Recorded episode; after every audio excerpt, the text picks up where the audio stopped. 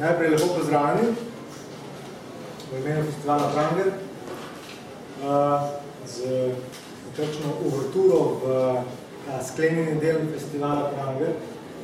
Zakaj uvrtura? Letos se je festival Pranger začel že nekoliko prej in sicer 13. junija v Celju, v Mladinskem kulturnem centru z otvoritvijo razstave poetična krpanka. E,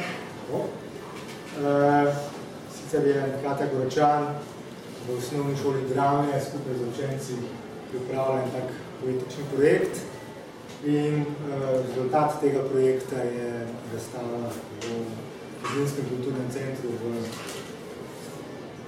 Celju in razstava odprta do 5. 7. Toliko za uvod. Danes smo se tukaj izbrali zato, da bomo uh, nekoliko prodebatirali uh, razmerje, ki se mu reče poezija in turizem.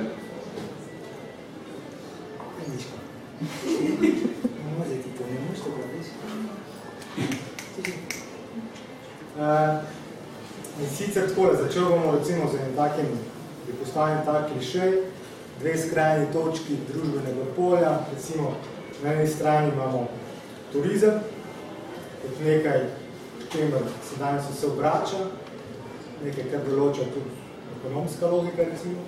Na drugi strani imamo neko obrobje, imamo poezijo, ki jo poganja, rečemo temu logika nekega pesniškega ustvarjanja. Pravim, to so klišeji, okoli odsotki nekaj predstav. Zdaj pa, da bo stvar bolj zanimiva, se lahko seveda vprašamo, je ta razdalja med poezijo in turizmom res tako velika, kot se zdi na prvi pogled. Ali lahko turizem kaj da poeziji, ali mogoče lahko poezija da kaj turizmu. In seveda, če že v tem našem okolju en drugim že kaj daje. Ok? E, veliko čas mi je, da lahko predstavim e, moje današnje goste. E, tokrat smo moški v mašini za tem mizjem, prav nobenega ni iz Ljubljane, tako da smo izpolnili vse te politično korektne kvote skoraj. E, ob meni je e, Polonca Blažič, jaz sem tudi, sem malo plan tega se pripravil. E, prihaja iz Maribora, je soustanoviteljica multidisciplinarnega raziskovalnega inštituta Maribor, se ukvarja s turizmom, je turizem tudi študirala in ekonomijo v Innsbrucku, v Lingnu se je spokonevala. Delala je v marketingu turizma, recimo uh, družba Terme Maribor. Uh, tudi, vodila je Apart Hotel uh, Pohorje. Danes pač dela samostojno in uh, sodeluje z različnimi projekti, recimo na zadnje tudi uh, strategija razvoja Prekmurja. Pomurja. Pomurja, tako, da smo pa rekli tako. Ampak, da se popravim, v bistvu nisem htela, nisem želela reči temu papirju strategija, ki je ja. predal dostal. Okay. Poskušala sem taktično operativno načrtati okay, tako. Uh, se, a, sem vam to napisal. Zdaj, taktično operativno načrt razvoja in promocije Pomurja. Vam napisano. Uh, sodelovala tudi po drugih projektih, mogoče uspešno, ko ste omenila projekt Ryanair, recimo revitalizacija Mariborskega letališča, potem uh, zelo pomemben projekt je vsekakor sodeluje z eno pokrajino v Avstriji in vodiš oziroma vodiš trženje v Sloveniji za njih. Uh, tako da uh, to bo zaenkrat, tako da kasneje. Uh, tako je polon, polonci jed. No.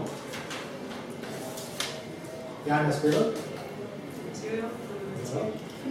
Uh, je eden od prvih, če ne prva, prva. prva tako, ki se ukvarja z literarnim turizmom, eden od področja turistične stroke, se je iz tega eh, tudi diplomirala na univerzi v Pomorskem, se pravi na fakulteti za turistične študije Portorož.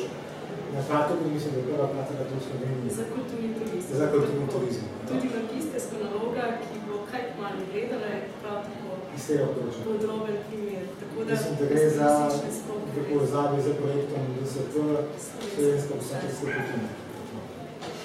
Uh, drugače pa se ukvarja preživo, če tako rečem, tudi z turističnim vodenjem in moderiranjem in z pijanjem, če sem prav zasvojil. Uh, en zanimiv kredo sem navedel pijanje. Literarne zgodbe predstavljajo navdih in glavno urodje pri delu. To sem si ga vzel zato, ker mislim, da je po mojem zelo tak um, zanimiv koncept za današnji pogovor. Zadnja gostja, Lorjana Weber, diplomirala je sicer iz politologije na FDV v Ljubljani, danes pa končuje tako magisterij kot doktorat. Sicer magisterij na uh, Gauntko na FDV, z naslovom Pliv življenjskih stilov na nakup knjige. Na filozofski fakulteti pa doktorat poezija kot element družbene spremembe. Okay. Je pesnica, ne? izdala je 2013 pesniški prvenec, prosti kart.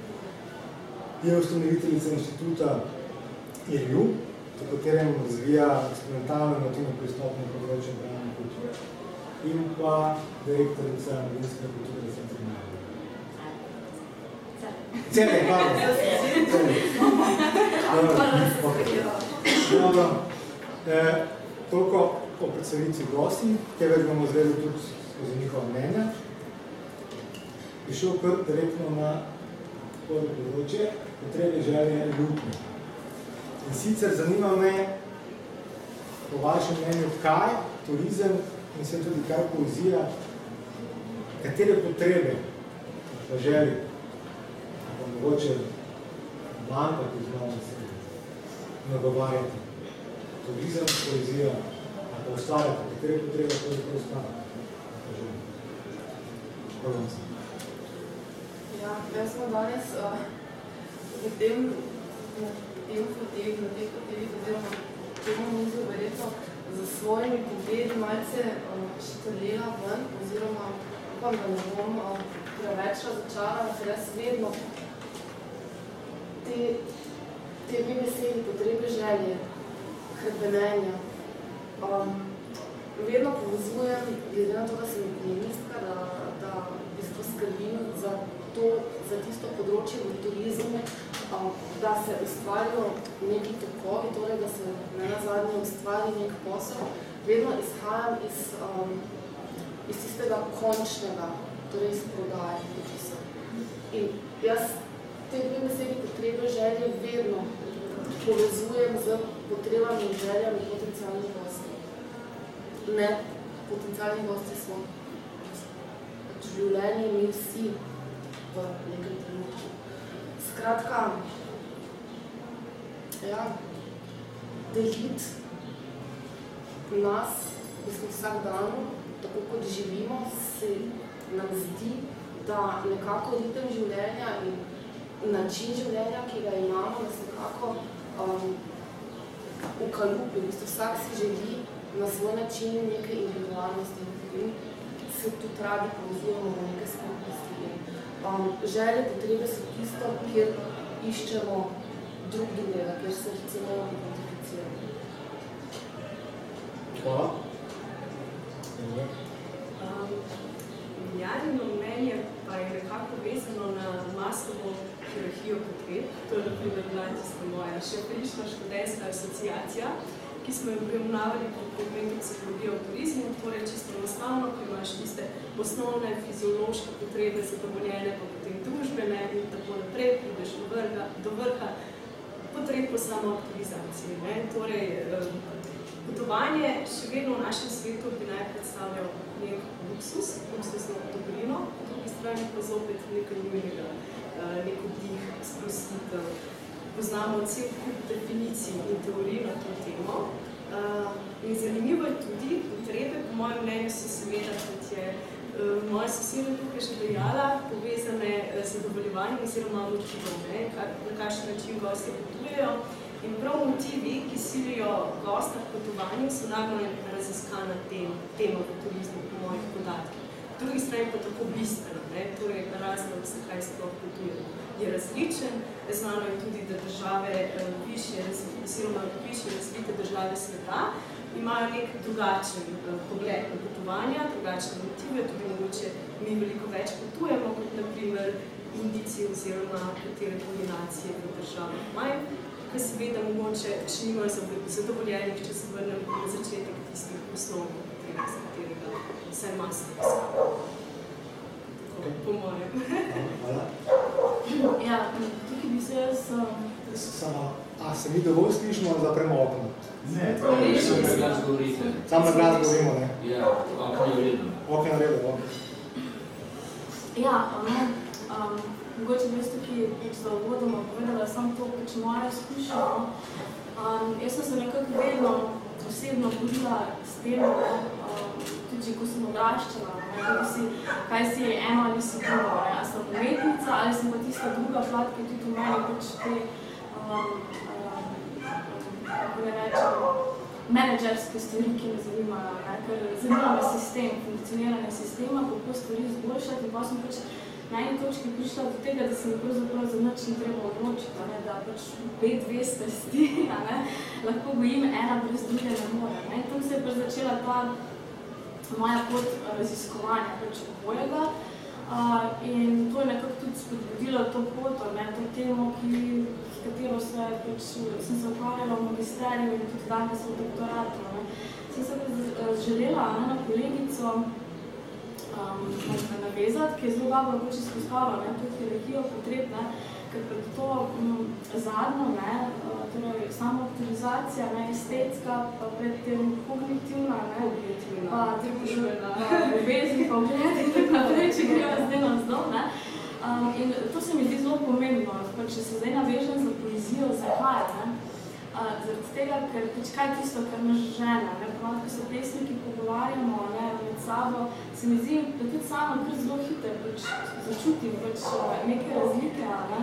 Um, pravijo po navadi, če lahko vendar lepo splošno, to je moje osebno mnenje, ki ga pač nekako vedno skušam raz, raz, razlikovati od nekega znanstvenega, od nekih analiz, da po navadi rečemo pesniki, ne, umetniki, estetika, ne, pač lepota, tisto prebrnjenje, katerem so kaj težene. Ampak vendar le, ne, imamo umetniki med sabo pač ravno to pač različne potrebe, različne želje. Ne. Torej, lahko je za nekoga ne toliko lepota, ne, lahko je tisto, kar je pred tem, torej ogled. Ne. A, jaz da recimo v, na, nekem, na neki stopnji v mojem življenju, ne, je meni recimo pač poezija um, pomenila čisto osnovno varnost, ne, torej nekaj, kar sledi torej tistim osnovnim fiziološkim pač potrebam. Da jaz bi rekla, da se kar se meni tiče, pač poezija, ja, zaobjema to, ampak ni nujno, da je pri vseh umetnikih enako. Ne. Pač meni osebno danes je to samo aktualizacija. Pač jaz poezijo delam, živim v vsem tem, pač kar počnem, ampak lahko je pa to verjetno za nekoga bolj ogled, pa manj manj drugo, ne vem, pač mogoče to prepletanje. Za tiste, ki piše. Ampak vsekakor jaz ne morem govoriti v imenu vseh, ne, pač razmišljam ne, uh, na podlagi nekih uh, pogovorov, no, in pa seveda tudi uh, to analizo, ki sem jo delala nacionalno, no, pri življenjskih stilov, na nakup knjige, mi je marsikaj uh, povedala. No, moram reči, da te analize uh, še danes vedno pač uporabljajo v projektih, ki se jih uh, lotevam, ki mogoče včasih izgledajo zelo naključni, Ampak ne, ker pač ravno, če želiš, da je nekaj odmevno, da je ljudem blizu, um, mora imeti neko, neko pač osnovo. Ostaje pač pri meni je pač tako, da ponavadi raziščam, ne pripuščam stvari na ključe. Na ključe je bolj tisto, kaj potem vsak posameznik s tem uh, naredi. In, in danes se okusi spreminjajo in tudi poezija se na to odziva in tudi turizem.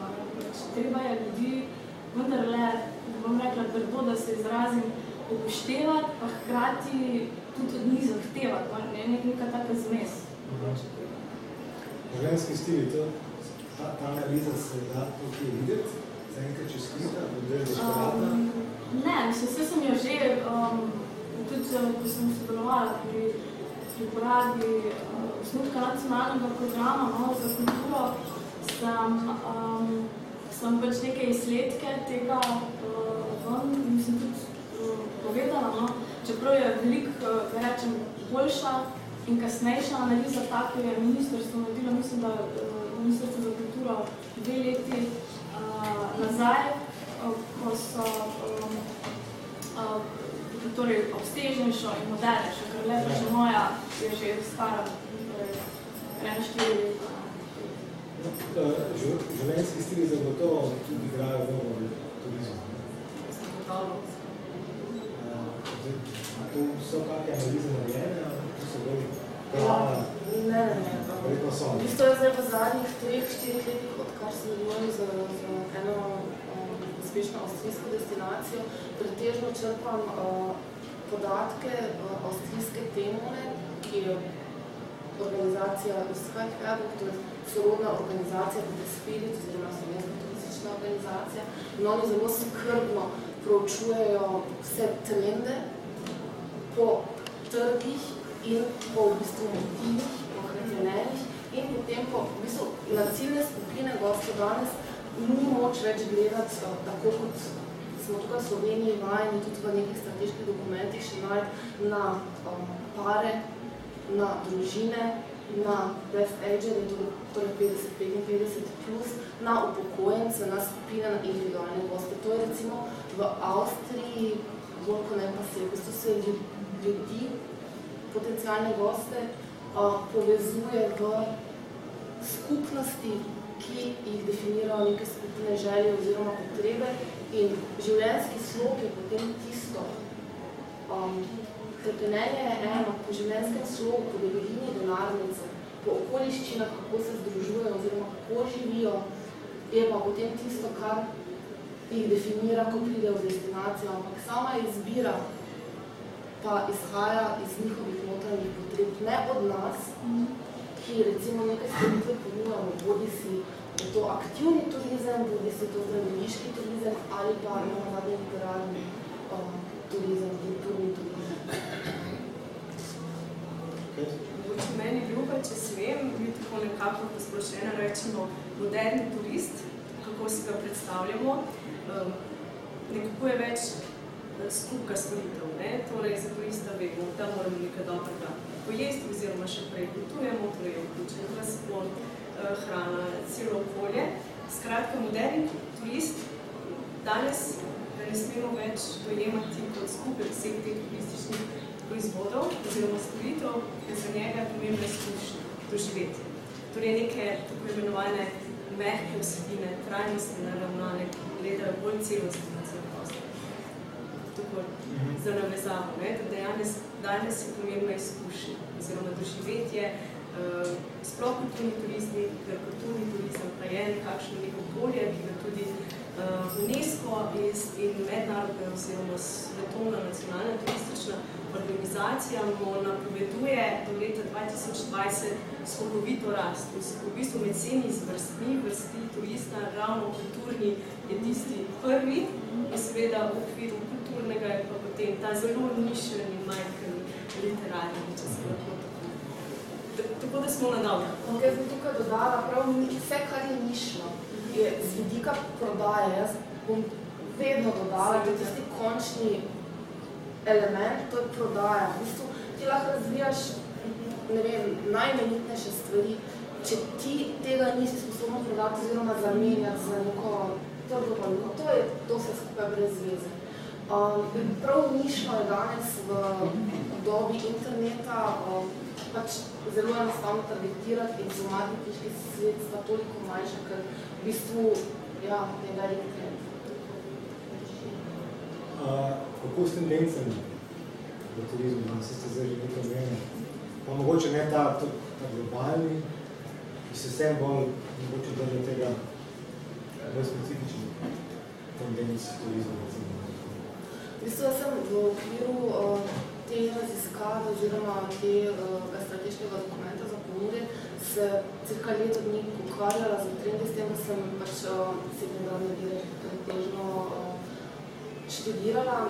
In v bistvu to, kar Slovenija počne zeleno, aktivno, lokalno, tukaj pridelano, identično, avtohtono z nami, torej nam lastno, to vse se upada uh, z, z globalnimi trendi, skratka, vse, kar je naše.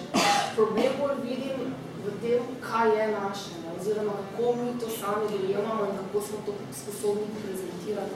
Uh, sicer pa je bilo bolj zanimivo to, ko sem šla gledati uh, generacije za mano, jaz sem tipična predstavnica X generacije, ker smo um, ravnoteže med delom in življenjem um, imeli še na delu. Isto, to smo delo in obveznosti in to, kar je pač potrebno postoriti, smo dali pred uh, naše, naše življenje. Generacije, ki prihajajo, torej, ki bodo v delovno intenzivno panovi, kot je turizem, kreirale, torej ustvarjale, torej Y in potem Z generacijo, recimo Z smo nima več spomina pred uh, digitalno dobo, ne, v bistvu funkcionirajo drugače, kot gledala sem kot delovne, torej kot, uh, kot uh, bodočo delovno silo, torej kadre in po drugi strani goste prihodnosti. Tukaj se nam obetajo velike spremembe tega, kar poznamo po strani. Spravo, kaj bi lahko rekli, lahko rekli kulturni turizem? Sorry. Velike spremembe v kjer smeri? V smeri, da bodo prav takšni nišni produkti, recimo tu bi jaz s primerom mogoče navedla, Berlin je en tak uh, fenomen, kjer uh, ta post-turizem prav spreminja obliko mesta. Zdaj jaz se ne bi res v Sloveniji primerjala z Nemčijo ali pa Ljubljane, z Berlinom. Um, gre tudi preprosto z vidika jezikovnih barijer, ne? ampak um, ena petina celotnega biznisa v turizmu, ki znaša, tu sem si malo številkah nisem ne zapomnil, 1,1 bilijonov dolarjev je globalno biznis turizma. Ena petina tega je turizem mladih, ki so leta 2007, recimo, prvi motiv jim je bil sprostitev zabava. 2013 je že na 45%. Želijo si naučiti drugega jezika, no, želijo si povezati še tudi za potovanje, želijo si delovne izkušnje pridobiti, ne dva tedna imeti dopusta počitnic, to, kar je X generacija. Ne? Mesec pa pol do 18 mesecev dopust počitnice, spoznati kulturo, spoznati turist guide, torej turistični vodnik, ni več turistični vodnik, je greeter, govorijo o mikroturizmu. V Mariboru en luškan poskus nano turizma z turistično agencijo oziroma bilo na Reisefiber, kjer te pesnik, umetnik, bivši krojač pokaže svoj Maribor, na primer. Se mi zdi, da je čist copy-paste Berlina. Ampak, pač, jaz sem vedno gledala ekonomske učinke, ne. V Mariboru so lačni, v Berlinu niso. Ne ker je pač uh, zgodovina, kultura, pretok, posel pač drugače. Ampak te, te nišne zadeve... To še te reče, so v turizmu lačni ali na splošno? Rajze Fiber biro v bistvu nima tega prometa, ki bi si ga želel, oziroma težko Ja. stopa s tem novim segmentom, kjer v Berlinu gre tako. Tukaj bi se mesta. mogoče navezala, se reče recimo mladina, ne? recimo kaj iščejo. Jaz recimo vidim pri nas, ne, Celju v tem mladinskem centru, ne, imamo še hostel, uh, ki ima 50 uh, postela, ne, in se mi recimo glih na to uh, skupino, torej mladih, ne, smo sredotočeni. Ne? Nam, nam vsako leto, recimo lani smo imeli čez 5000 učitev, a ne, v enem letu, v avgustu smo imeli največ, odkar je hostel leta uh, 2010, skoraj tisoč, ne? in mi ravno to recimo pač, uh, počnemo. Ne? Torej, mi zdaj ne čakamo, ne, da bo nekdo uh, prišel k nam, ampak mi recimo poskrbimo, ne, da se pri nas vršijo usposabljanja. To prihaja, recimo imamo konstantno 12 partnerjev, to so tisti trdni, drugače jih imamo recimo 30, ne, in prihajajo k nam iz cele Evrope, poznanje, ne, kako voditi organizacijo, neformalno učenje. Ne. Mi imamo uh, veliko teh uh, vsebin, ne, tako kot ste rekli, da potem jih privabimo. Ne. Ampak to je samo ena plat, ne, ker spravim čim več um, potreb moraš ti zadovoljiti, mladi so zelo zahtevni. To je ena, torej, da pridejo poznanje, seveda tudi poznavamo. Ne?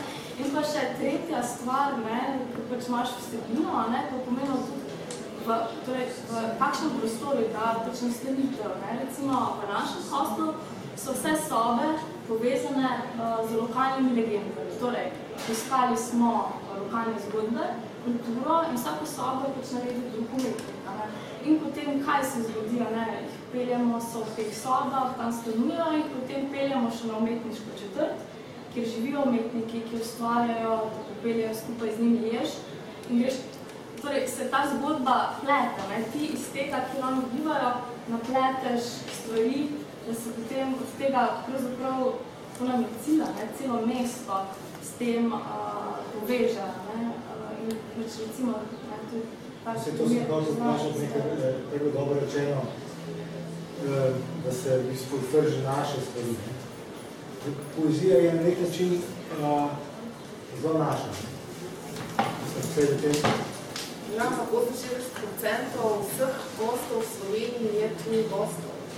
Ja, to je ta jezikovna meja. Zelo pa se imamo kar nekaj prevodov, se tem tako ja. Če smem odvisno, ja. to je ravno tisto najbolj atraktivno oziroma podosto vprašanje, ne, jajanja, kako boš ti cankaj prodajala, ne, vse cankaj je pa noben ne mara, ne, on je bil pa grdo mame, to pa je neka tista lajčna percepcija gosta, pred katerimi naslovom znam, ker jaz sem isturistična stroka, kot rečeno. Je pa tema, ki se nanaša na raziskave, namreč smem literarni turizem v svetu je znanstveno raziskan od leta 1994, kar pomeni še 20 let, se o tem piše in govori. Torej, kot je rekla Polonca, ne, tako imajo v Berlinu, že delajo neke stvari, ampak seveda to ni pribrljivo, eno Slovenijo primerja z Berlinom, ampak kot rečeno, je to za nas eno dragoceno znanje, kako iti naprej, kako mi vse te stvari predstaviti, ponuditi, uh, zapakirati za to. Še enkrat se pravičujem, ampak to je moj jezik stroke. Če se vrnem nazaj na Preširna, kot že reče, eh, z Nacankarja, eh, gre za to, da dejansko s pomočjo nišni turizem se pomagamo s pomočjo ostalih, kako ne rečem, eh, pomagača, kot že rečemo. So sredstvi, ki so upadne. Tako, so produktni. Integralni turistični produkt, to je strokovno profil. Tako je bilo. Izrazoslovno. Izrazoslovno. Izrazoslovno. Ja. No. Glejte, ni nujno. Ja, ja. Se, se pravi, zato, da je... Po boku, po no. Tako, mislim, konkretno. Mogoče lajčno, ampak ne vem, če poznate eh, vrh, kaj se na vrhu dogaja, ne? kaj vse tam pince delajo na zavodu uh, Ivana Cankarja. Ne? Naprimer, oni imajo Cankarjevo ljušino, ki postrežejo. Tam je tudi ena pražarna kave in skovar. Uh, Ljubljančanka Polona Pačnik, v vsaki medinski knjigi kupite njene švajčke, uh, že razmišljate, o čem govorim. Ne? Torej, ti pelješ konkretno enega gosta na izdelku vrhniki, uh, so, so zgodovino, uh, z eno ustrezno interpretacijo nekega cankarjevega dela, potem ga pelješ v cankarjevo ljužino, seveda v tem ne smemo pozabiti, da mora biti to predstavljeno na ustrezni način, ne? autentično, ker potem se hitro banalizira oziroma nastane nekaj drugega, kar ni. Ne? To je zelo problem ker je potrebno sodelovanje tako stroke, kot seveda nekih varkov, kulturne dediščine, konec koncev varkov, literarne dediščine in tako dalje. Skratka, imamo še konzulterico, tam se nabavi skoderica, kava in ti dones, odneseš ta spomin, ta dogodek domov, razlagaš o tem prijatelju, mogoče to je en tak lajčen primer. Ne. Potem zopet posočje, uh, nagrajena pot miru in Hemingway, turistični slovalci premalo krat izpostavljajo ne? Hemingwaya, sploh pa ne. Naprimer, ko prideš pa na Kubo, si pa ne predstavljaš, piti v njegovem lokalu mohita, katerega je pil Hemingway, drži. Ne? In to je tisto, da v bistvu mi imamo en cel kup nastavkov, naše zgodbe so unikum. In dejansko to so tisti potencijali, ki bi lahko uh, Slovenijo uvrstili v kulturno bogato turistično destinacijo. Ko v bistvu govorimo o destinacijah, ne? govorimo o smesu vsega, kar se jema vse te Ima sem ciljev prav to smer, da se pravi ne, ne zelo mnogo v to tradicijo, ki jo sicer poznamo, vsi poznamo od Sankara, ampak uh, je odnos pač tak, ko je. Jaz mislim, da ni nujno, da je to slab odnos, kot se zdi. Ker poznam kar nekaj ljudi, ki radi od Sankara. Seveda, tudi jaz, ampak Jasne. tako, Tako, percepcija splošno ne. Drugo stvar je pa se danes, ne, to, ki si ti omenila, eh, ta ulica umetnikov. ne. Umetniška četrta. Umetniška četrt. ne. Tu, tu se, tu če je sposoben od kjerkoli vala, se mogoče se tudi Berlin izmisli. Ne. In, eh, in v Mariboru ta problem je razen fika. Sedaj, v Mariboru bi najbolj lahko tudi ponudil umetniška četrt, če bi obstala. Zdaj, je varianta pač taka, da sedaj je treba nekaj določene stvari imeti. da mislim, da tukaj je vedno več, več um, stvari, ki se pač pridajo naproti. Ne? Če dam čist primer, Celes, pač ta umetniška četrt, to ni zdaj nekaj, kar ima, ne vem, 20-letno tradicijo, pa nekaj bo to nastalo pač pred nekaj leti. Ko so dali enemu umetniku, dala občina prostor, da si ga ljudi, pa si ga potem so še enega in še enega, tako je čisto pač spontano, so se stvari spomnile in so to čez čas pomenovali umetniško četrt. In jaz, ko sem bila pač prvič tam, ne, jaz sem bila res, um, wow, sem bila pač brez besed, ne, ker ti lahko imaš uh, torej, umetniške prostore, ki so prostori, samo ne pa domovi, umetnosti, da temu tako rečem. Ne. In sem bila pač zelo presenečena, ne, mislim, uh, pozitivno. In če se mogoče navežem na uh, to debato minuto, dve nazaj, ne, um, ko, ko sem pač omenila Cankarja in to, meni se zdi to izredno pač pomembne zadeve, kako um, nek doživljaj, neko izkušnjo pač ustvariti za nekoga oziroma pač skupaj z njima. Ne. In jaz osebno sama, ne glede na to, kakšne pač projekte delam, da me zelo zanima a, eksperiment, inovativnost, sem recimo v sebi tako, bi rekla, pač imam ta zelo tradicionalen, ne, pač poezija, tema, noč, tišina, doma, nikogar ni super, ne. Ampak, uh, pač ne smemo pozabiti, da se pač seveda ljudje se spreminjamo, včasih se spreminjamo, ja, želel si bi si, da ljudje ne bi bili toliko zaračunalniki in tako naprej in tako naprej. Uh, statistike kažejo seveda, okusi se spreminjajo, ne, ampak nič ni narobe, če temu sledimo in če ni to literaturo, ne, poleg te klasične, vse nihče ne pravi, da bomo zdaj zaprli za, za omare, pa da je konec z njo, ravno nasprotno. Ampak sam dodano je še neko drug, še nek drug doživljaj. Ne. Jaz vedno rada več pravim, seveda imamo eh, veliko ljudi, ki ne bere, ki poezija ne zanima, ne.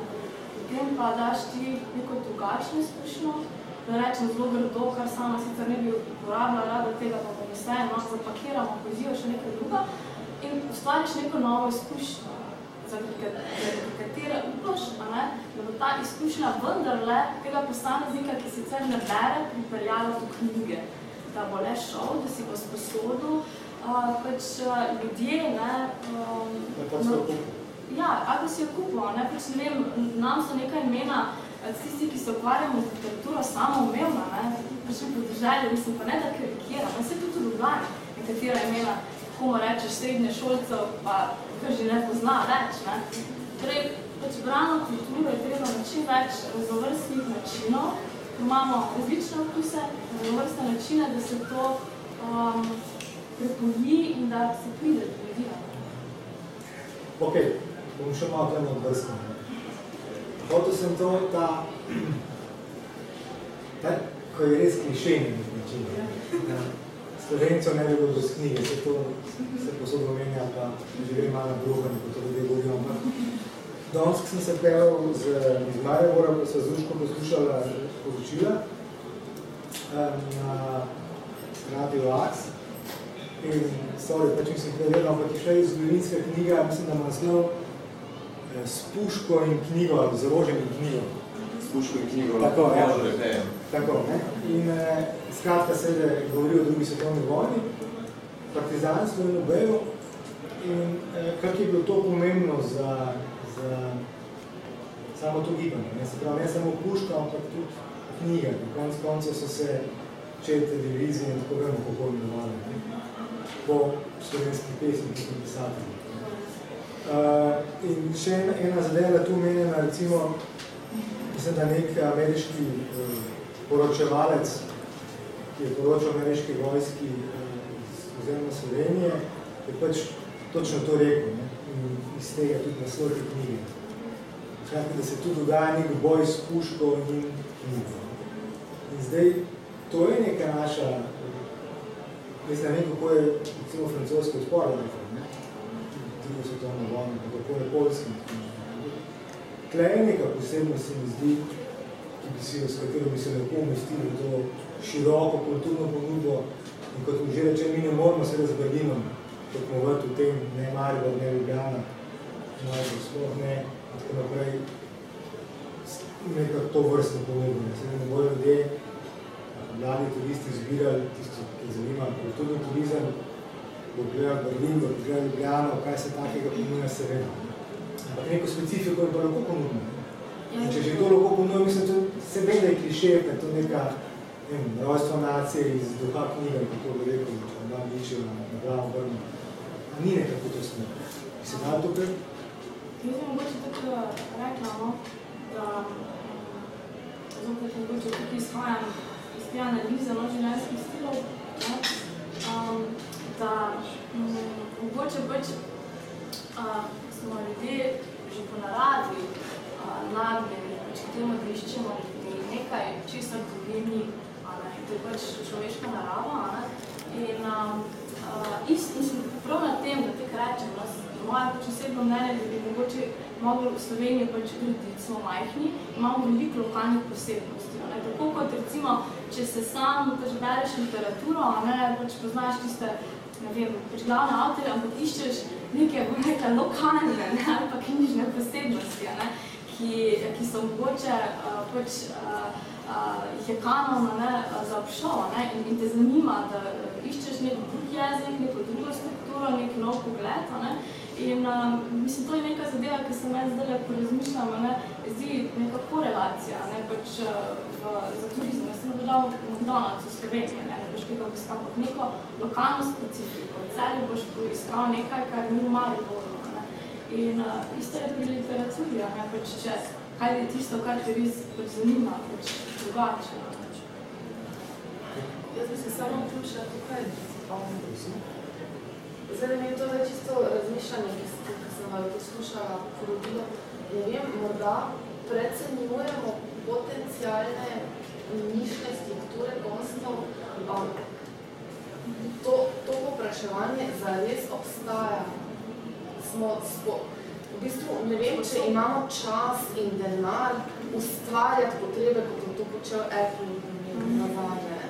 Um, to, to je moja ključna razmišljanje. Tukaj v bistvu Um, tu smo zdaj v krogu zelo, bi rekla, v eminentni družbi izbrancev. Jaz ne vem, če je zunaj pogledajte na trg, pa si, pa dajte tak prek palca oceniti, koliko je teh vseh turistov, ki jih je na Mariboru, je to, je to svet. Maribor je v bistvu prazni, nažalost.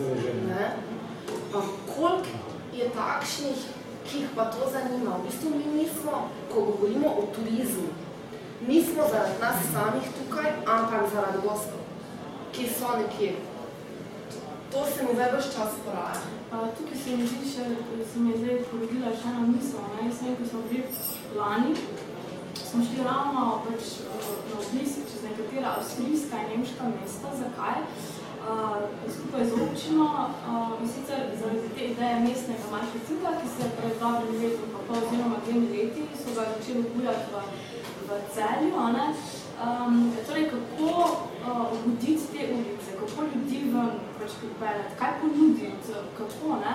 Ampak potem, ko potegneš črto, seveda to s turizmom ne, povezano, ne, s to, s to lokalno politiko, je pa seveda ta da v Avstriji, Nemčiji, to ni nekaj, kar je nastalo čez noč. To so deset let vlaganj. To so stoletja vlagali, da ja, ni najbolj, ja, ampak ko smo pa se z njimi pogovarjali najbolj aktivno in trdo deset let. Ne? Mi recimo, tudi, če zdaj primerjam celja, ne? ker se skozi tudi lokalno, ne, pač za tukaj zgodovino imamo, tako močno zgodovino, ne, evropsko zgodovino, pa kako malo, kako malo se ne ja, kako pravzaprav sam tli ta kultura, kako sploh ven tega pravzaprav uh, ne izkoristi. In ponudi nekemu povprečnemu, povprečno izobraženemu, ne zadnje, ne? Če bi rekli, da nimamo časa dosti globoko lukne skopa, da bi drevo zasadili, ne? Ne Pa da lahko zasadimo tam, ne vem, eno, ne vem, par mesečno, ne vem, zdaj zelišče, ne? Zemljišče so drugače večno. Naslednje leto spet. Ja, če, če dovolite eno mojo asociacijo, zagotovo je na mestu, da je dejansko res težko nekaj tako nišnega in posebnega nekomu predstaviti, da je to stvar večjih ljudi, posameznikov, inštitucij države, zavesti, glede na Kreativnosti. to imamo. Tako. Uh, v vode je bilo rečeno, sama sem turistična vodička in seveda to so moje prijateljice po celem svetu, po Sloveniji. Uh, Ljubljana, vemo, kako se turistično drži, ne? Rečemo zelo dobro, da se naj zelo skrbljeno, čeprav po številu... 10,8% ustvari uh, letnega prometa, torej turističnih tokov, medtem ko druge mestne občine po Sloveniji 6 Ja, Ljubljana v bistvu vse um, pokriva, oziroma prekosila. Prekosi, čeprav po nočitvah je pa še vedno obala prednjači, ne? Torej, pri prenočitvah so zdraviliške občine, občine. Torej, zdraviliški turizem, pred desetimi leti smo začeli praviti wellness turizem in smo v bistvu pustimo to. Um, 31,9% ustvari zdraviliški turizem, kjer so segmenti gostov, ki bi jih kulturni, literarni, ja. zelo, zelo zanimalo. Um, gorske občine so na drugem mestu, obaljne občine so na tretjem mestu, polje Ljubljana. In zdaj, če pogledamo gorske občine in zdraviliške občine, pa bom dala, jaz sem vedno rada konkretna, na primer Avstricev, ki ne vem, kakšno mnenje imate vi o njih, ampak mi v Mariboru, ko smo tam bliže, znamo kako sočno povedati na račun Avstricev. Um, ampak jaz jih občudujem. V bistvu smo si po nacionalnem karakteru dosti podobni. V bistvu bi si lahko Napoleon zvrtali za zadnji. Um, ampak ka, z razliko od nas, kar oni znajo, si zastaviti cilj in kot ovce, to, kar ste vi prej rekli, štur, Urška, trmasto, ne, trmasto, slediti ne eno leto, ne reči, ne, ne, ne, ne, ne, moramo drugače, ne dve leti, ne tri leta, deset, petnajst let, če Tudi država, ne? Mogoče to ni In oni se v bistvu bottom up ugotovijo potrebe in se potem na nacionalni ravni dogovorijo, kaj je tisto. Ena, dve, maksimalno tri prioritete, nič več. Tudi Nemci, ne? Tudi Nemci. Isto. Jaz sem tudi delala eno raziskavo, da se to malo še interveniram. In v bistvu tukaj lahko povem, jaz delam za pokrajino Vagren Knajnar, ki je ne bom, pač res ena mala uh, dolinica, dve vasici, 4900 duš, tam živi en milijon prenočitev ustvarijo na, na leto, ne? samo z tem, kar je Slovenija, aktivno, zeleno, lalala, ampak tam je živel gospod, ki je spesnil Sveto noč. In ker Avstrijci imajo v bistvu sami sabo blazno konkurenco in so blazno v bistvu štajerska, tirolska, Konkretni, taki so kot mi, ne?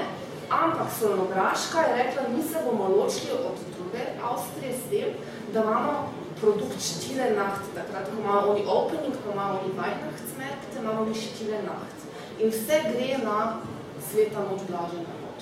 In potem imajo v tem času vsa Solnograška po vseh kočah, imamo za takoj asociacijo na našo planinsko zvezo, ki je v bistvu literarno, tudi se so bili ki so v bistvu spodbujali to. En prvih, en prvih, planinarska, tudi, na primer, da je nizki turizem, ne, ker turizem se tako zelo rad druži s vsemi panogami in temami, ne, tudi dejansko ni raziskovanje, se prav In tudi, v bistvu, naš uh, planinski turizem je res nekje tukaj približni postica, čeprav imamo naravne danosti, fenomenalne.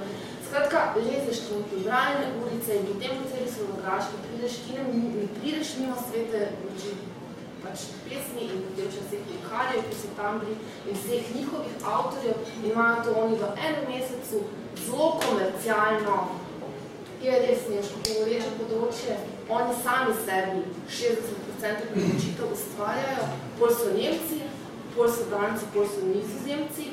Skratka, z nemščino se oni kar dobro preburajo, ne po domače povedano, ampak ta konstanta iz leta v leto, isti princip, to je nekaj, kar potem govori rezultate in to ljudje potem tudi plačajo, da jim oni dobro Jaz sem tukaj dodala še en zanimiv primer, ki sem se spomnila, ne, ko sem prej omenila, da sem bila te ekskluziji in sem bil v enem avstrijskem mestu, precej smo jih obiskali, zdaj se res ne spomnim, točno je bilo, ampak meni je bilo strašno zanimivo, zakaj se mi zdi ta primer zelo dober. No, šlo je za mesto, ki pravzaprav zgodovinsko pač ni imela ničesar um, nekaj drugačnega, torej na kaj bi se oprijelo. In je zanimivo, ne, ker so sami to marko seveda ustvarjali. Oni so pač ustvarjali koncept polža, torej logo polža in kot nek, torej langsam, ne, ja, in so vse na to povezali, torej vse trgovine, vsi gostinci, se pravi, so se za to idejo, ki nima za zgodovino nekega vzadja, ne, so se pač povezali o tem gradijo in to danes prodajajo. No, še notranje Tako, vsi, ta povezanost, ki je trenutno mogoče. Mogoče če ena, uh, Ja. ena, en, en zaključek, čeprav bi rada dokončala zgodbo prej, ko sem govorila o turistični ponudi. Torej, zakaj se mi zdi pomembno, da o tem govorimo, o povezovanju literarnega, poezije, turizem in tako dalje. Tudi naša turistična stroka ni dovolj izobražena. Konkretno govorim, imam prijateljice, turistične vodičke, vodnice, ki ne vedo, da je James Joyce bil v Ljubljani, kaj še tukaj ima, da je prespal in itd. Ne, hočem povedati, čeprav ima uh, seveda Zavod za turizem Ljubljana, tudi literarne poti, ki so bile v Ljubljani v okviru uh, dneva oziroma svetovnega slovenskega Ljubljana 2010 je to implicirane, ne, torej so v turistični ponudbi, ampak uh, želim mogoče spomniti, da nekateri mogoče turistični stanovalci niso niti dolastniki, ne, ne vedo vse, kaj se tem stoji, se mi zdi pa škoda, ne, dejansko, da jih ne znajo, nočejo ponuditi, pa so zelo dobro napisane, vrednotene in da tudi sama klima, čeprav so seveda te licence, zahtevajo ogromno znanja, truda, uh, neke psihofizične angažiranosti itd. itd. Ne, dejansko te zadeve pa niso poznate. Ne, ne vsem seveda, ampak splošno je to hoje, še mogoče se upravičujem, ste dali primerjavo, kako tujina seveda to dobro zmore. Meni ljuba veliko polana, Evropska val Štorkel, ne, tako je ovrednotena. Ko sem potovala v poezaciji, na vsakem koraku plastična grda, kakršnokoli štorkla, a v naši pole ni nič. Sicer poznamo Šopana osebno. Tudi Miško krajnje, če, če se navežemo na literarno, se dogaja ene stvari na to temo, ampak dosti, dosti premalo. Skratka, je v glavah, je v zametkih, uh, je Malo bi še, malo bi še, da ne bomo tukaj več ostali pri strategijah. Ali še samo eno en primer, Okej, ki okej, sem okej. jih spomnila. Bomo že, bomo že. Um, pa zdaj mi te povezave, ne, ko debatiramo pa to turizem, literatura, poezija, ne, se za, ko smo bili v debati zdaj o teh Avstrijcih, ne, eh, me je pribliskno, ne, eh, ko si rekla, ne, ko se oni odločijo, ne, in uh, to je v bistvu čist uh, isto enako, ne, pač umetnosti, ne, če rečeš, um, uh, reče se, mislim, da temu uh, teorija, koncept, ne vem, zdaj sem tudi na svojih treh prstanov, ne, torej, da nekaj uspe, se pravi ustvarjalnost, ne, to je pač tista prva ravno ima. sposobnost ne, in pa zavzetost. Ne. Torej, pač enega iz, eden izmed treh manjka, torej zavzetost, ne, a, ne, ne bo pač uresničena. Da si ti zdaj ustvarjalen, imaš veliko idej, ne, in tega ne bo. Mogoče ta zavzetost, no, mogoče ne vem. Jaz bi tu Goran samo dodala, ker Dobro. se Ljubljanja ne strinjamo pri eni zabini. Jaz pa mislim, da mi turisti, tudi turistični delavci, nam ni potrebno vsega vedeti. Se strinjam. Kar si jaz želim je, da tisti, ki so strokovnjaki, recimo, poezije, literarnih zadev, kulturnega turizma, česar koli, ne na zadnje športnega turizma. Jaz, si, jaz želim sodelovati z njimi, ampak to pomeni, ne da jaz kasiram, ampak da začnemo sodelovati, da se pridemo nasproti, vse v bistvu potrebno jih je podjetniško vključiti v sodelovanje, ne to načelno politično sodelovanje. In to politike ne potrebujemo, ne potrebujemo, ne župano nikogar, ne.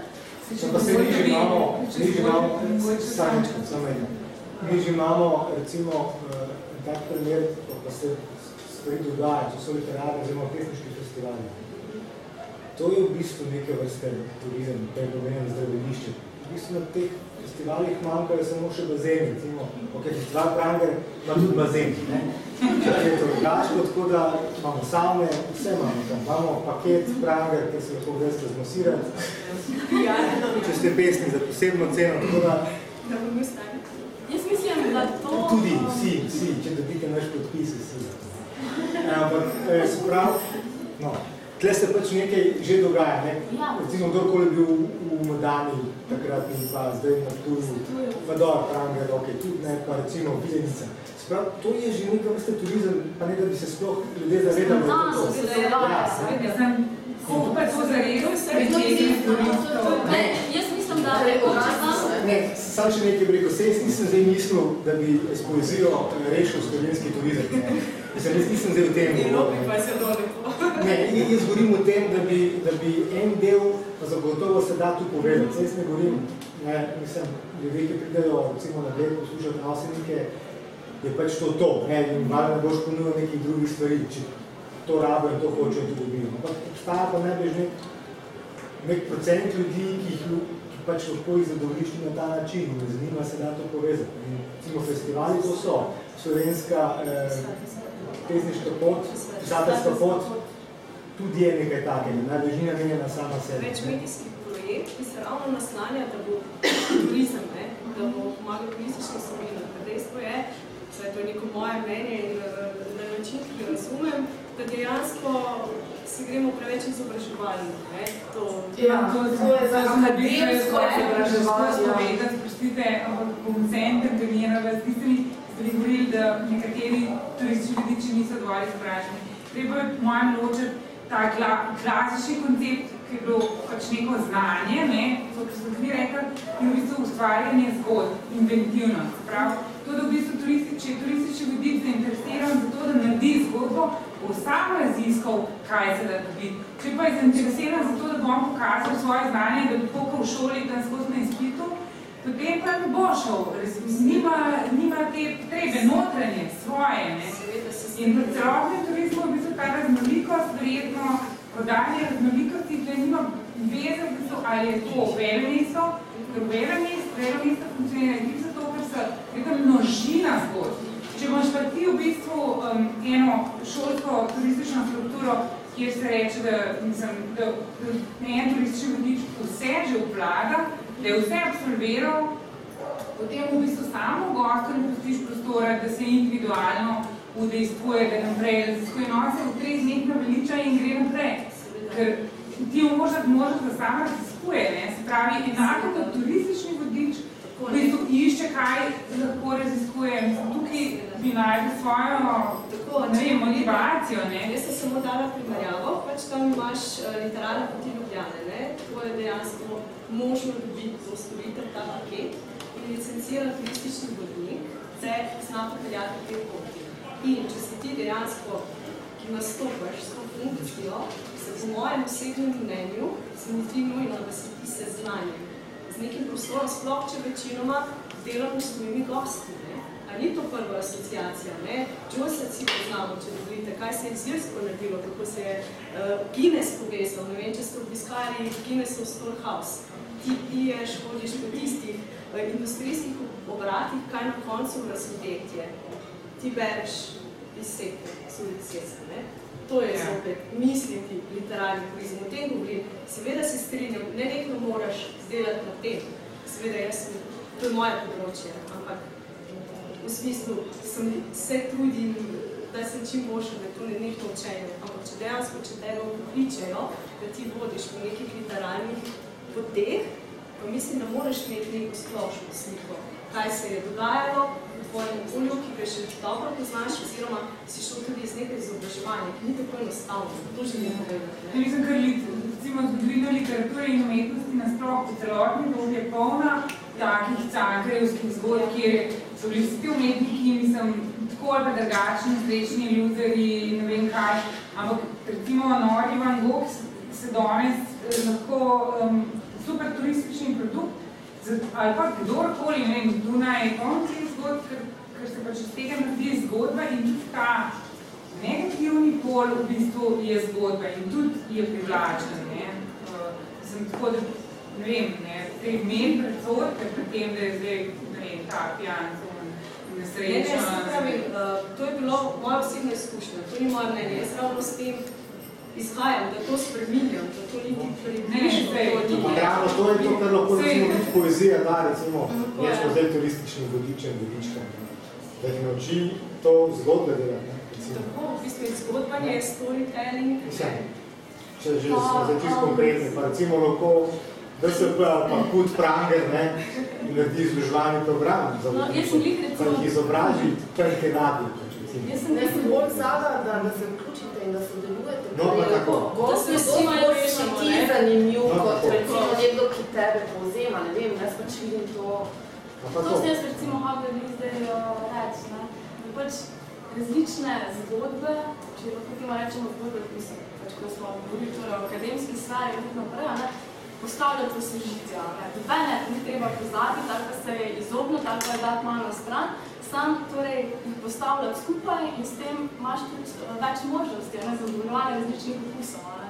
In tako, ne vem, predstavitev na nek način, nek, neka predstavitev literature mogoče klasična, neka inovativna in zopet neka, neka druga. Ne, pač, temo, da se torej odločijo, da pač izberejo, da skupaj bivajo. Ne, pač, Tu vam zdaj en primer, recimo literarni festival Voja Probati iz Švice. Urška je bila enkrat tam in zna povedati, ko je ta festival traja ravno tri dni, ali štiri dni, tam ogromno ljudi pride, prav na literarni festival.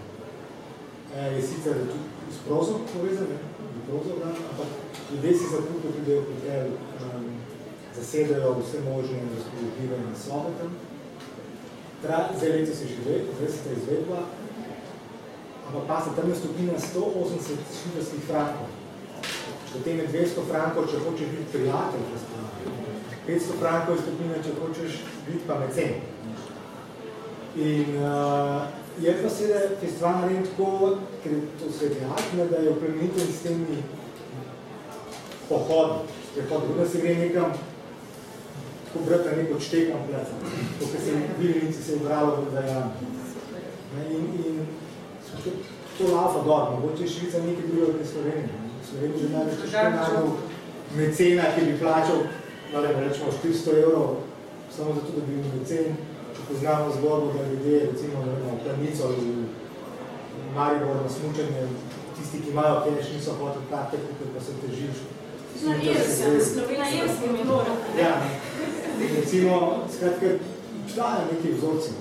Da se, če Sloveniji mi uvedemo vemo, stopnino na tole debato, tle nobenega ne bo se Ne, jaz mislim, da je zopet... Kaj se zgodi, če uvedemo Mislim, da bi mi trije bi se pogovarjali. To je lahko zelo nekaj eksperiment, se ja. se nobene ne bi bolje, če bi se rekli, to dejansko zgodila. Mi, mi, recimo, ne, mi smo reči, pač na Iriju, ko smo bili najbolj tisti finančni krizi, ne, pač moramo reči, da ko smo štartali, pač na začetku, ko ne moraš denarja od razpisov dobiti, je bilo pač to čisto osebna vlaganja, da se lahko tako reče, ki se potem dolgoročno poskupnilo, ta osebna vlaganja in še ni dohodkov od razpisov, je to nek tak bumerang. Ne? Ti imaš vrečo, ki je sicer tvoja, iz katere jemneš, ne razmišljaš tržno in potem, ko ta vreča skupni, pa začneš se prisiljen razmišljati. Ne? To se je recimo pri nas na Iriju na začetku zgodilo, In mi smo v enem obdobju uvedli te skupine in nam so te skupine ravno, ne, pač pa, ko, ko smo dobili od razpisa, ne, smo to okinali, ne, pa smo dobirali za elektriko in tako naprej, ampak ljudje so se zelo dobro resnično na to odzvali, ne, jaz sem bila presenečena, pa je kdo rekel, ja, kako bo, ne.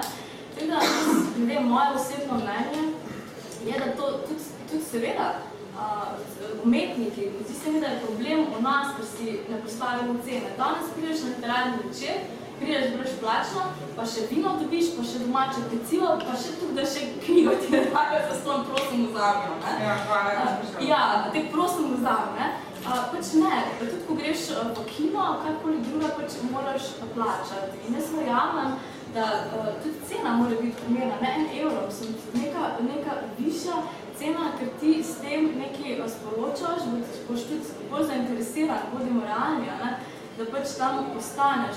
Mislim, jaz sicer ne mislim, da se to recimo pri nas uh, ta primera, ne, da uh, čez noč, ampak verjamem pa, jaz sem čisto pripričana, da je to čisto možno in, um, in čisto verjetno, samo na nek, biti mehek način, bi pač temu lahko rekla. In pa seveda, uh, z nekim dogovorom, da bi največ pa dolgoročnim. Da bi šli vsi v to. Tako, tako. Imam eno primerjavo, če dovolite, Ja. ta se mi zdi, da je en fan. Ja, in sam, uh, ko ste rekli primerno ceno, ne, meni se zdi, da je tukaj zelo pomembno se zaveda tega, da če ti prideš nekam brezplačno, prideš avtomatično brez pričakovanj.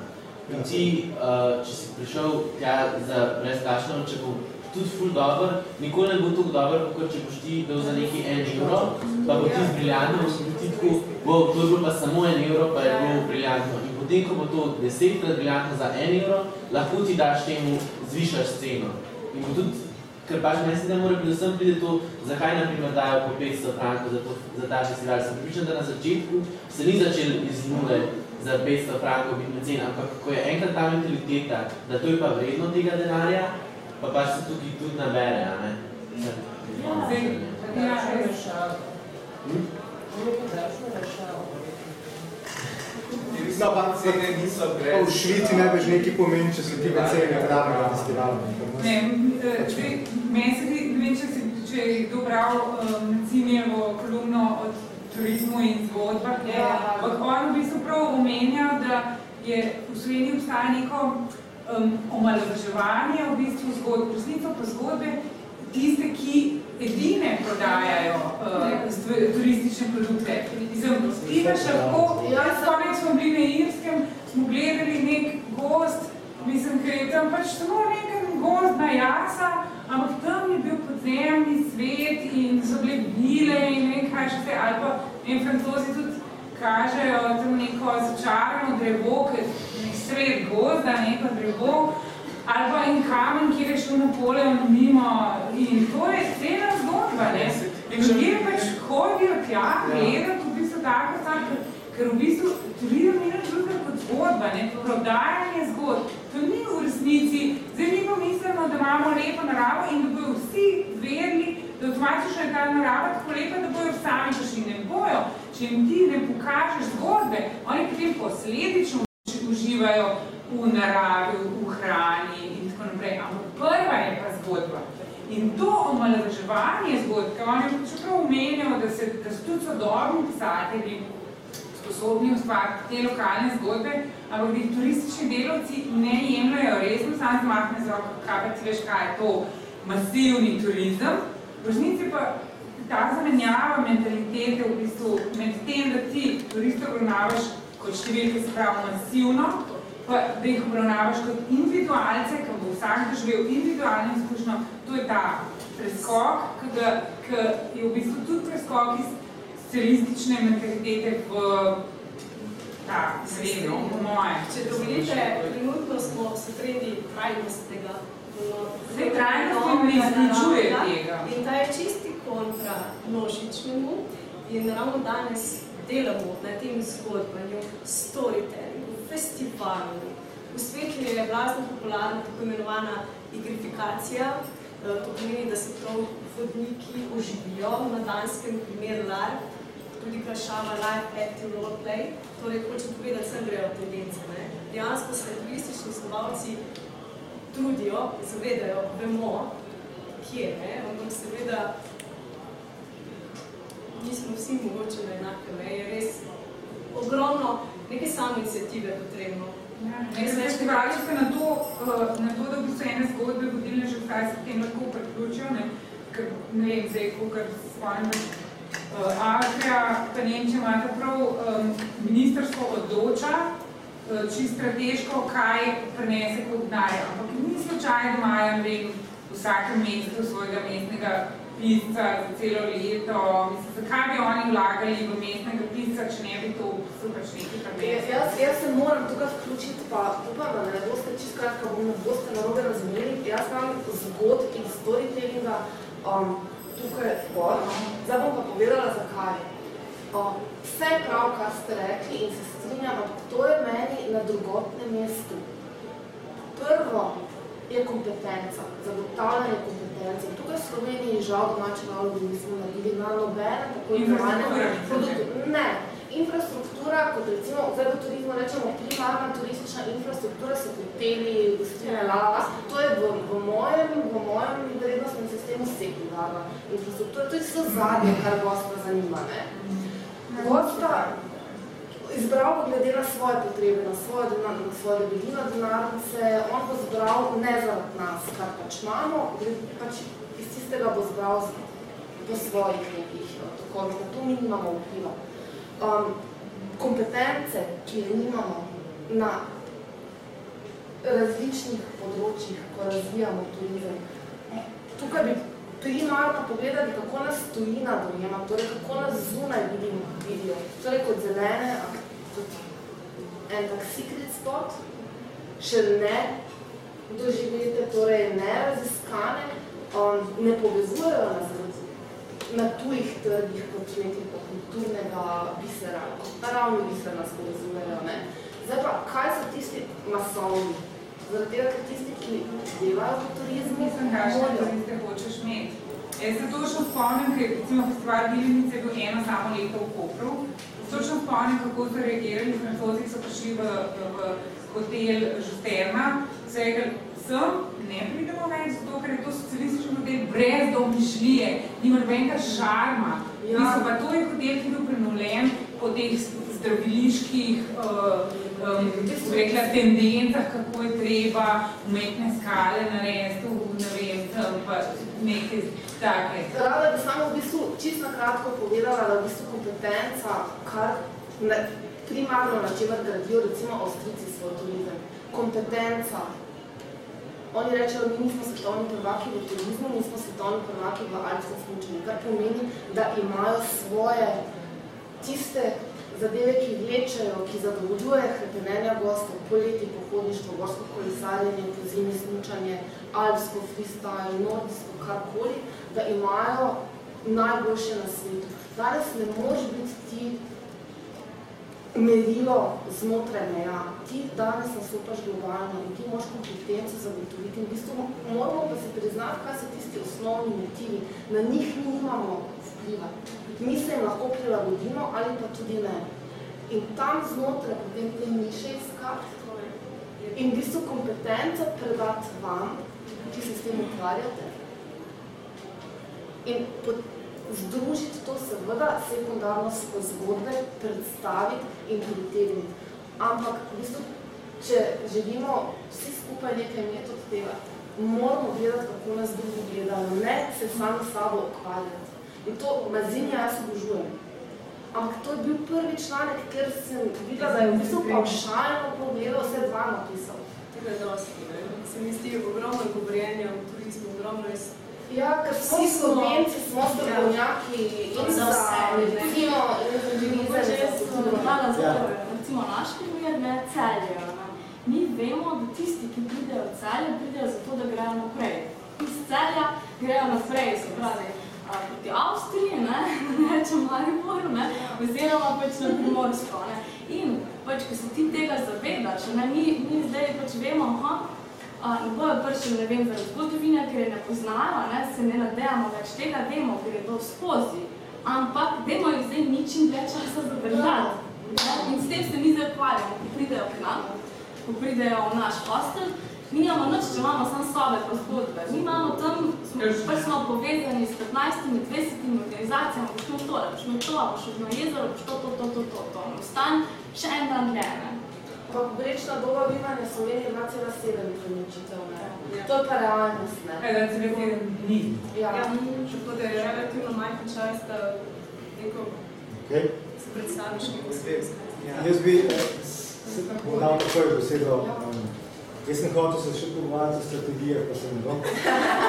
Uh, sem hotel en mariborski primer, pa ne bom. Kako se je kulturni lokalni program delal v neskladu z vsemi ostalimi regionalnimi razvojnimi strategijami. To ni čudno. Lahko bi imel tudi eh, Parcivala, ki je svetovno ime, ne, Parcival, ampak tako da kot v Sloveniji tudi isti ne vemo za njega. Če bi to imel strici, bi z tega ni svetovno slovenilo. Vsi bi lahko bili tako In uh, ker pa je zgodba že napisana. Tu je zgodba že napisana, tu ne rabiš nič več. Filmi so posneti tako. Tako da jaz bi tle za ta vrani del zaključil, pa bi dal besedo vzeli. Ste se jo nekateri krepko vzeli. Mogoče bi samo na en vidik uh, spomnil. In to se mi zdi zanimiva razprava. To pa tudi mislim, da v bistvu Slovenija, kar se tiče kulture, praktično je tudi zelo malo zgodb predala, da je recimo turistov, da je to, kako bi rekel, po mojem, ni omembno rekla, po mojem mnenju. Uh, način, kar bi se jih pa dal prodajati, pa zmeri možno malo pogubljati, pa si ja. dobre prakse. Uh, bi pa na eno stvar spomnil, uh, kaj se tiče recimo teh večjih kontekstov. En od teh je recimo pač, jaz mislim pač, da se da primerjati tudi Mogoče ne po vsakim kulturnim kontekstu. Ja, primerja se lahko vedno si. No, tak, jaz bom dal en primer, ki mi je bil zanimiv pred leti, sem delal za eno založbo, pa, sem, pa je uh, ta založba izdala eno knjigo od Alexeja Monroya Lajba, ki meni skapil realni monolit, in sem poslal na vse web page od NSK Lajba v svetu, pač uh, preprosto notico, da je pres konferenca in se od 30 do 40 ljudi na tej tiskovni konferenci pojavili. Iz tujine. Iz tujine. So si sami karto plačali. Se pravi na tiskovno konferenco. So. Recimo Ljubljana te zgodbe absolutno ne prodaja. Ljubljana ima enormno število zgodb, ki bi jih lahko pač turistično v določene forme in izkušnje in tako naprej zapakera Po drugi strani je pa zelo bistveno, da te zgodbe nekdo kot kaj stadijo v izhodišču lahko obdela. Zato, ker v resnici pač, kar se tudi v tujih kontekstov tiče, oni imajo literaturo že vse napisano, gre za montažo, direktno informacijo. Ja. To je to ena stvar. Druga stvar, ki sem jo hotel omeniti, in dobro, kar bi temu rekel, primer tega, kak turizm vstopi v kulturni kontekst v Vidaji in seveda pač mogoče najbolj klišejsko, ampak New York, ki v 70-ih letih bil na robu bankrota in so se odločili, da je rekel, vodstvo mesta, pač da morajo turizm spraviti v mesto. In problem, ki je v zadnjih, se pravi, 30 letih nastal, da oni prodajajo zgodbe o zadevah, ki jih ni mogli možno več v mestu živeti.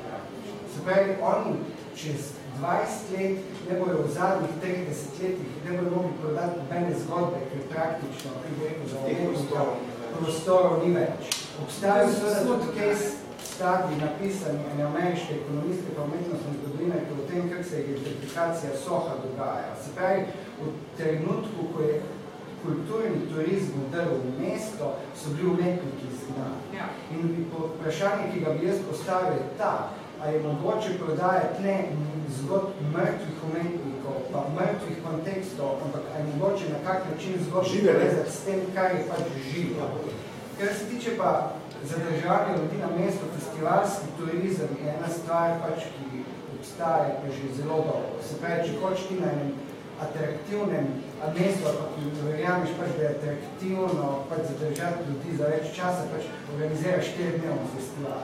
Navadno v bistvu v tujini so tako pametni, da ne prodajo samo lokalni zgodb, ampak povabijo še kako tujo zvezdo, na katero se pač turisti prelepijo in pa seveda turisti ostanejo, bi rekel, se prej sve seznanijo z lokalnimi zgodbami in tega naprej. Mislim, tak, teh, kaj bi rekel, primerov je, je nebroj. In jaz bi tako predlagal, mogoče bi mogli literarni festivali, kot je Prangra, pa ljudje, eh, ki delajo na področju kulture in ki bodo v naslednjih desetih letih postali brez javnega denarja pa subvencij, mogoče dejansko začeti razmišljati, je mogoče kak denar potegniti direktno iz, pač iz turizma in na tak način fundraising delati. Zato, ker pač, ker turizem čez 20 let zgod v tem času ne bo, ne bo mogel več prodajati, ker bi rekel, bojo razmere take, da umetnost, skupnosti, kulturne temperature pa ekosistemi pač ne bojo več, več mogli. Vse, ko se že, to, to, recimo, v primeru Pragerja, to se že dogaja.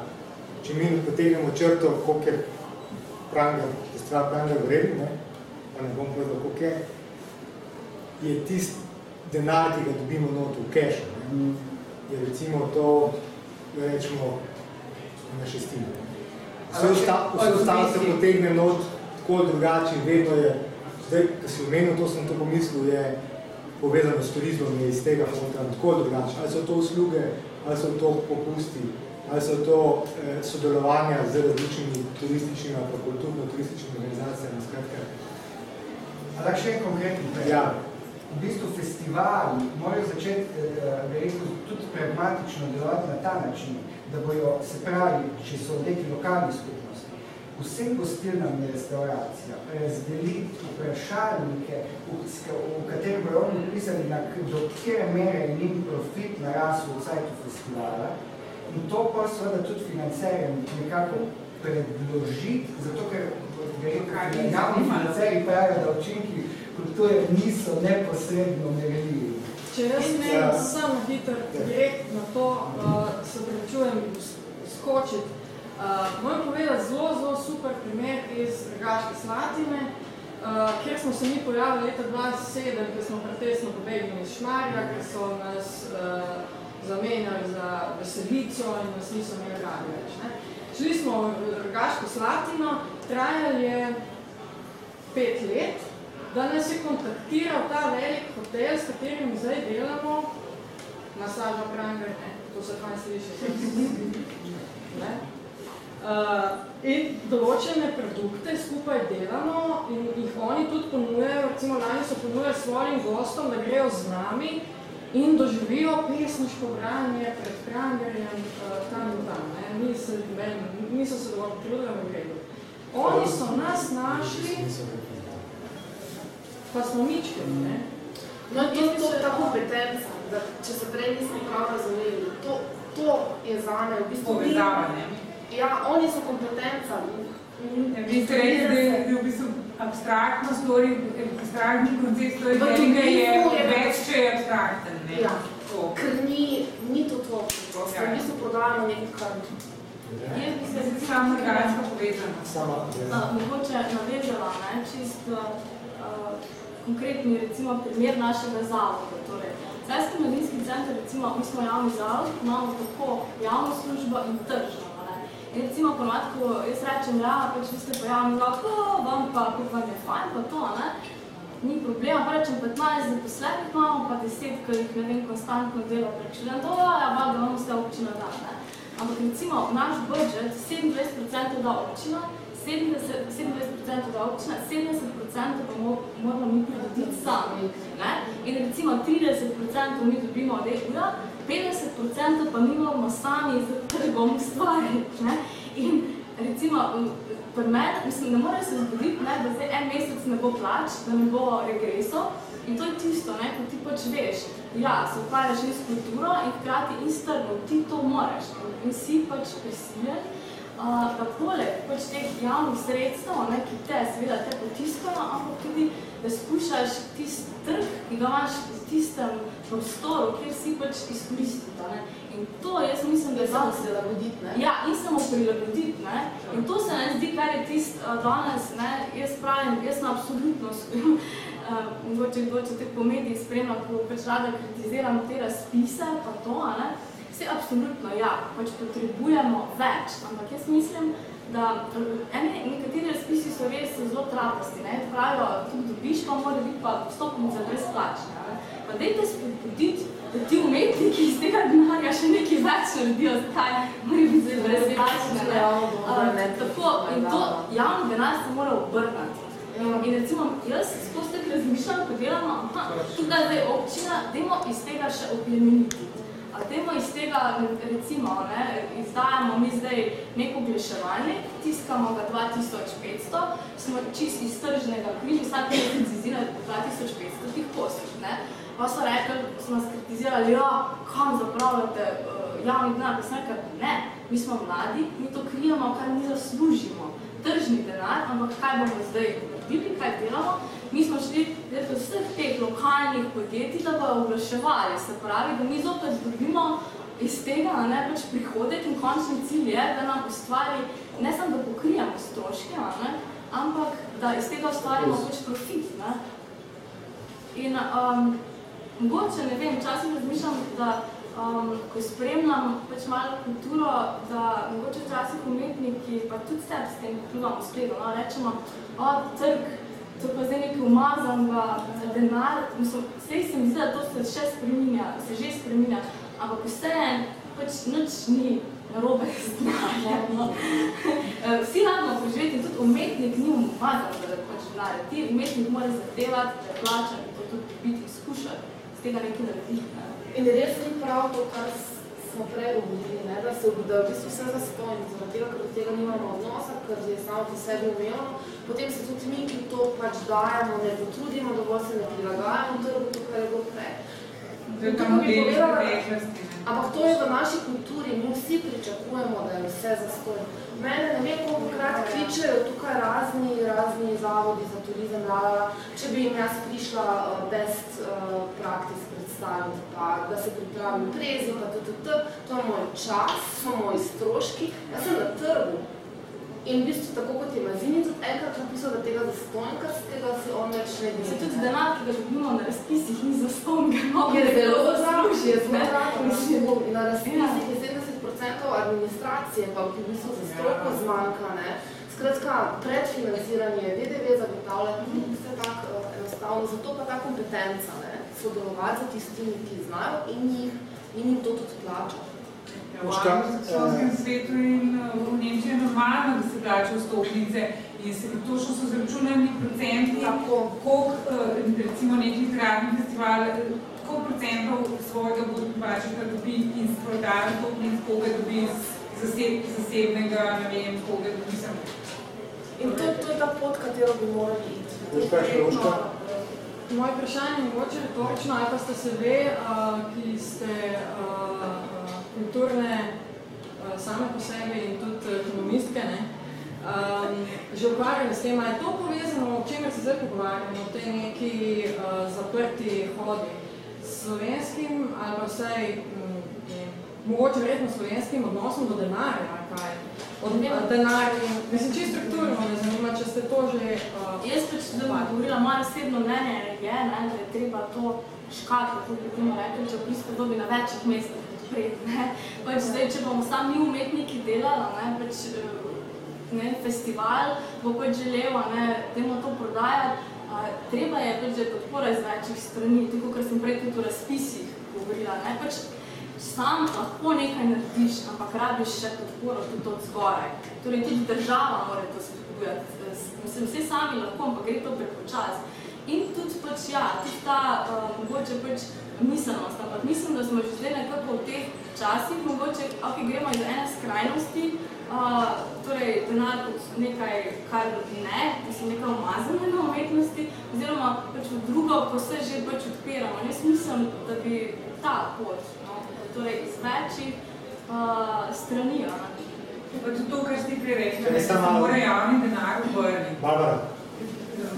Imamo še nekaj čakamo, že vem, da moš, vem, da moš, boš samo da, da damo besedo. Jaz se hvala, mogoče ja. čisto malo, malo izven skočiti, če dovolite, mogoče na temu zaslonu, ker sta, se spomnite Kino Šiška, kaj se mi ja. vedeli, ne? Ja. To je tak zelo dober problem, ne? Ko, se, ko so se angažirali, pa mogoče v festivalskih uh, zadevah, ne?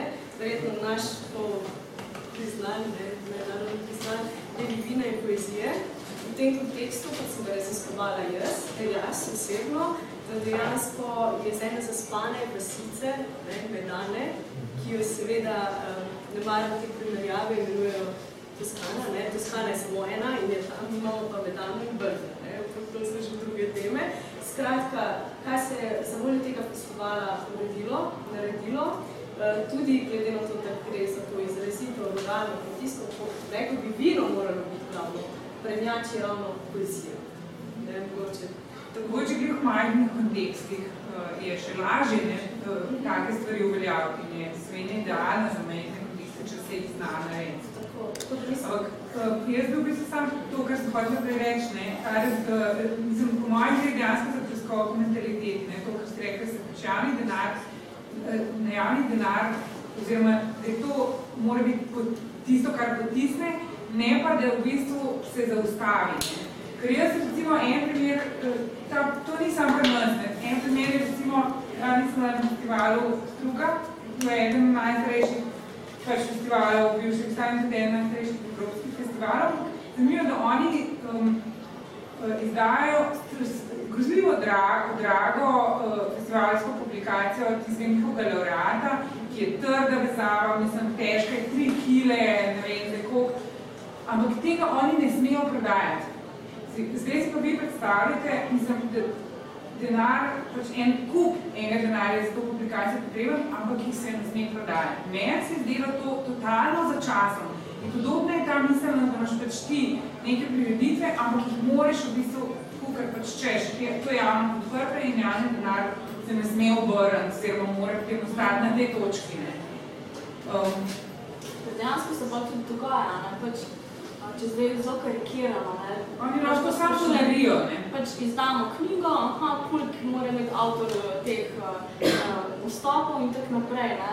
Uh, tukaj se mi zdi, ne vem, da se danes vidi, a ne, da se še da tukaj grozno veliko narediti, da se tam, tam se šele, za izdajo knjige se šele začne pot, ne.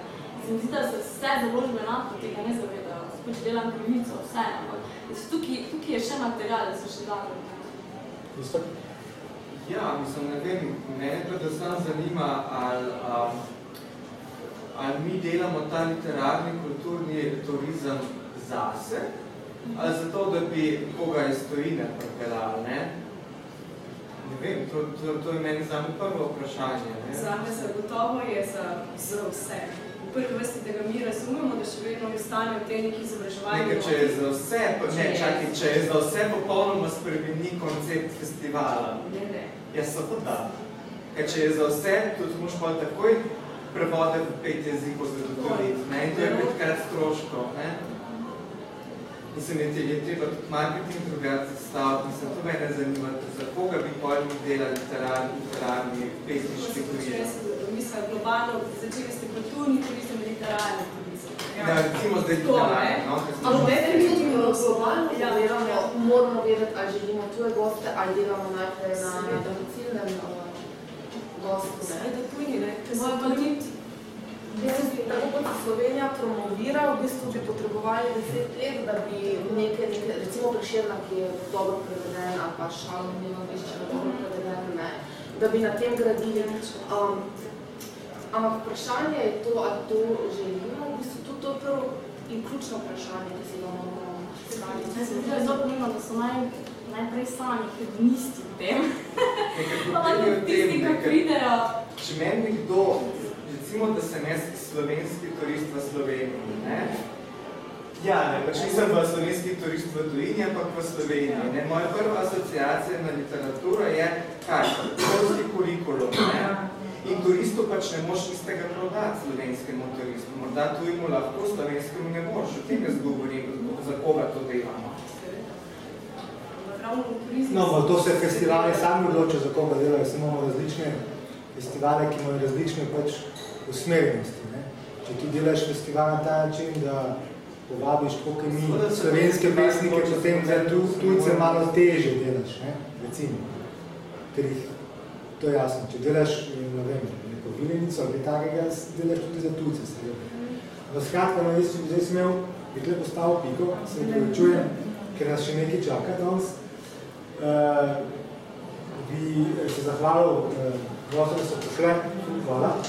Upam, da je debata inspirativna, vsekakor bila predolga, ker so vsi že šli. Tako da, eh, hvala.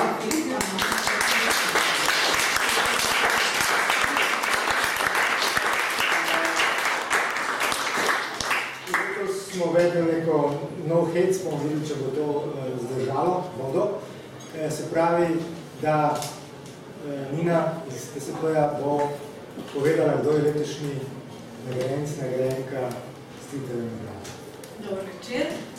Nina Pokel, društvo slovenskih pisateljev. Uh, najprej bi upravičila našega predsednika Iva Svetino, ker je moral zaradi nujnih stvari zapustiti ta naš prostor in mi je predaval eno zelo lepo nalogo, da razglasim ime a, letošnjega oziroma letošnje Stritarjeve nagrajenke. Gre seveda za nagrado, ki jo Društvo slovenskih pisateljev podeljuje mlademu metalnemu kritiku oziroma kritičarki. Žirija v sestavi Ivan Dovnik predsednik, um, potem Aljoša Kalamo, lansko letni nagrajenec in literarna kritičarka Tina Kozin, je izbrala nagrajenko Tanja Petrič.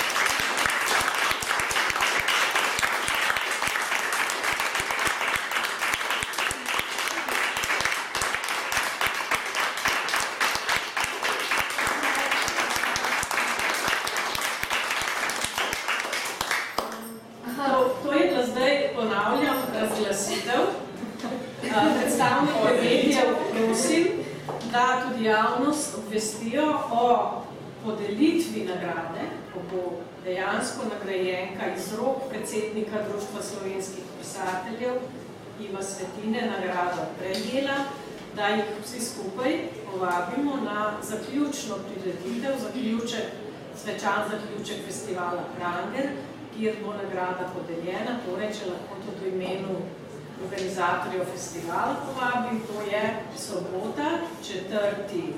juli od 20. uri v Kulturnem centru Rogaška Slava.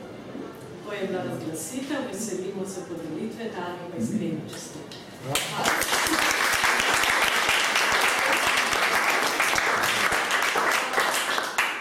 Mislim, kako sem razumela, uh, imamo govor pripravljen za soboto, tako da zdaj bi pa rekla samo to, da najlepša hvala za razglasitev, hvala, hvala za nagrado. Uh, kaj lepšega, bolj poetičnega bom povedala tudi mogoče v bolj poetičnem okviru Prangerja. Skratka, pridem na pranke uh, in, in se vidimo v Rogaški Slatini. Uh, zdaj pa eno čist tako eh, uh, življensko.